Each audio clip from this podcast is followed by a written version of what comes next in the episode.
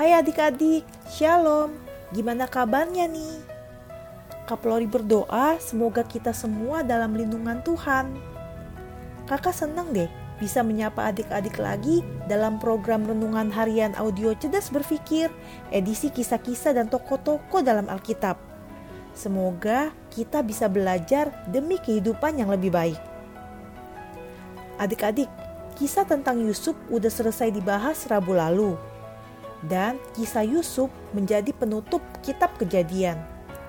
Tapi sebelum kita move ke kitab berikutnya, yaitu kitab keluaran, hari ini kakak mau kasih review jujur tentang Yusuf. Melalui pembahasan ini, kita udah belajar banyak hal dari kisah Yusuf. Jadi, yang baik kita ambil untuk kita terapkan, yang kurang baik kita buang. Hah? Yang kurang baik? Emangnya ada, Kak? Hmm, tentunya ada. Biar gimana pun, Yusuf tetaplah manusia biasa yang punya potensi berbuat salah, ya kan? Oke, langsung kita mulai aja review jujurnya ya. Hmm, kakak mau mulai dari kelebihan atau hal yang patut diteladani. Yang pertama, dia memaafkan kakak-kakaknya yang sudah bikin salah sama dia. Kalian udah tahu kan salah kakak-kakaknya apa aja? Ya, ngejual Yusuf sebagai budak di Mesir. Setelah Yusuf mendapatkan jabatan sebagai penguasa di Mesir dan kakak-kakaknya datang kepadanya, dia nggak membalas perbuatan mereka. Dia memaafkan mereka. Nah, ini patut kita contoh nih. Ya, memang nggak mudah sih memaafkan orang yang bikin salah sama kita tapi bukan berarti mustahil kan? Lagian ya, kalau kita berpikir kita bisa menang dengan membalas orang yang berbuat salah sama kita, kita salah besar. Justru kalau kita memaafkan orang yang bersalah sama kita, kita menang. Menang atas keinginan jahat. Menang karena kita bisa mengendalikan kemarahan dan dendam.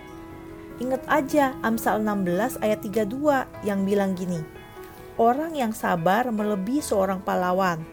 Orang yang menguasai dirinya melebihi orang yang merebut kota. Yang kedua, Yusuf mengambil sisi positif bahkan dari hal buruk yang ia alami. Kalian ingatkan setelah Yakub meninggal dan saudara-saudaranya datang supaya Yusuf gak balas dendam. Yusuf malah bilang gini dalam kejadian 50 ayat 20 memang kamu telah mereka-rekakan yang jahat terhadap aku, tetapi Allah telah mereka-rekakannya untuk kebaikan, dengan maksud melakukan seperti yang terjadi sekarang ini, yakni memelihara hidup suatu bangsa yang besar.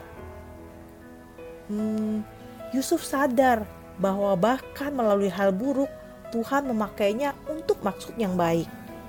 Nah, ini juga bisa kita contoh nih. Gini, dalam hidup ini, kita nggak selalu mengalami kejadian yang baik-baik aja.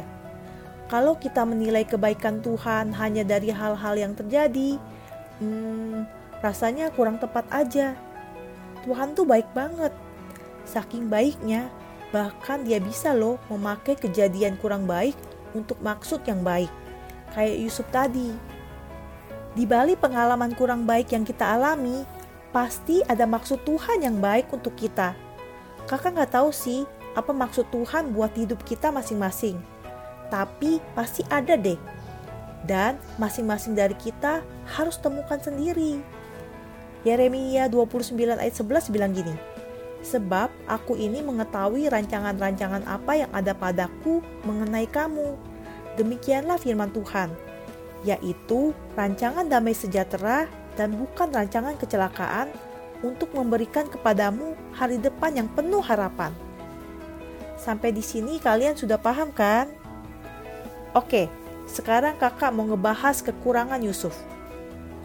Dalam kejadian 37, dikisahkan bahwa Yusuf menceritakan mimpinya kepada saudara-saudaranya. Dia bermimpi matahari, bulan, dan sebelas bintang menyembahnya. Itu maksudnya suatu saat saudara-saudaranya akan menyembahnya. Memang sih mimpi itu jadi kenyataan. Tapi bukan berarti Yusuf jadi sembarangan gitu nyeritain mimpinya kan. Menurut kakak dia kurang tepat aja. Amsal 25 ayat 11 bilang gini, Perkataan yang diucapkan tepat pada waktunya adalah seperti buah apel emas di pinggan perak. Adik-adik, gak semua hal boleh kita utarakan. Kita harus bijak mempertimbangkan hal mana aja yang boleh kita utarakan atau enggak. Salah satu pertimbangannya adalah apakah dengan kita mengutarakannya, perasaan orang lain akan terluka atau enggak. Kalau akan terluka, hmm, kita pikirkan ulang deh. Nah, segitu aja ya review jujur dari kakak. Semoga kita semakin jadi lebih baik lagi. Oke?